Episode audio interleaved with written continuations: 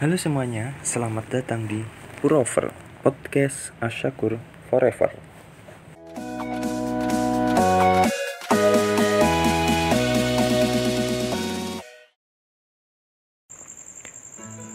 Di episode kedua ini, aku mau berbagi cerita sedikit tentang hidupku dan perkenalanku dengan kopi.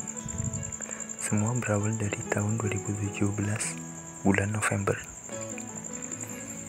Aku yang sudah merantau kurang lebih satu tahun di Jogja mendapatkan sebuah pekerjaan desain.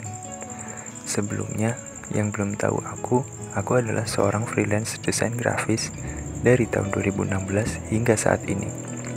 Kembali ke cerita ya, bulan November tersebut, aku kedatangan seorang customer untuk didesainkan buku menu usahanya, yaitu coffee shop. Aku pun menyanggupinya. Di tahun 2017 itu, bahkan sampai sekarang pun, mungkin beberapa orang akan kaget ketika melihat harga dari menu kopi tersebut. Bagaimana tidak?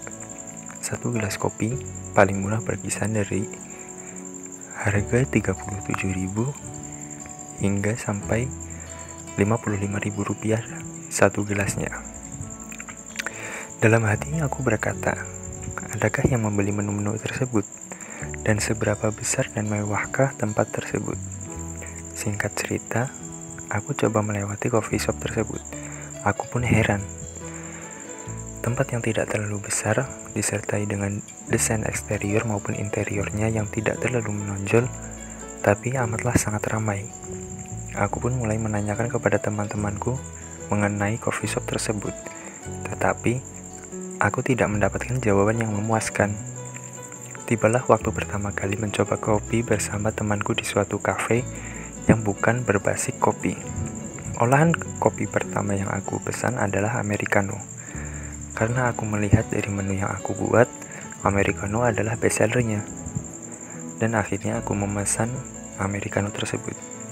Aku pikir di semua tempat americano lah bestsellernya. Melihat nota pesanan, aku kurang yakin dengan rasanya.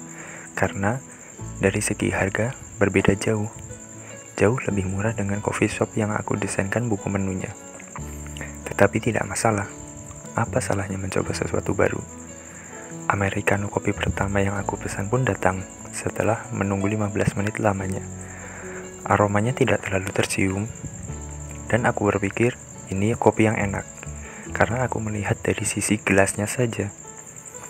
Tetapi ada kebingungan dalam benakku mengapa ada gula saset di gelas ini. Setelah aku coba, aku pun tertawa ramai bersama temanku. Karena rasa yang pahit dan meninggalkan bekas rasa pahit itu di tenggorokan. Menurutku, itu hal baru yang tidak enak pada saat itu.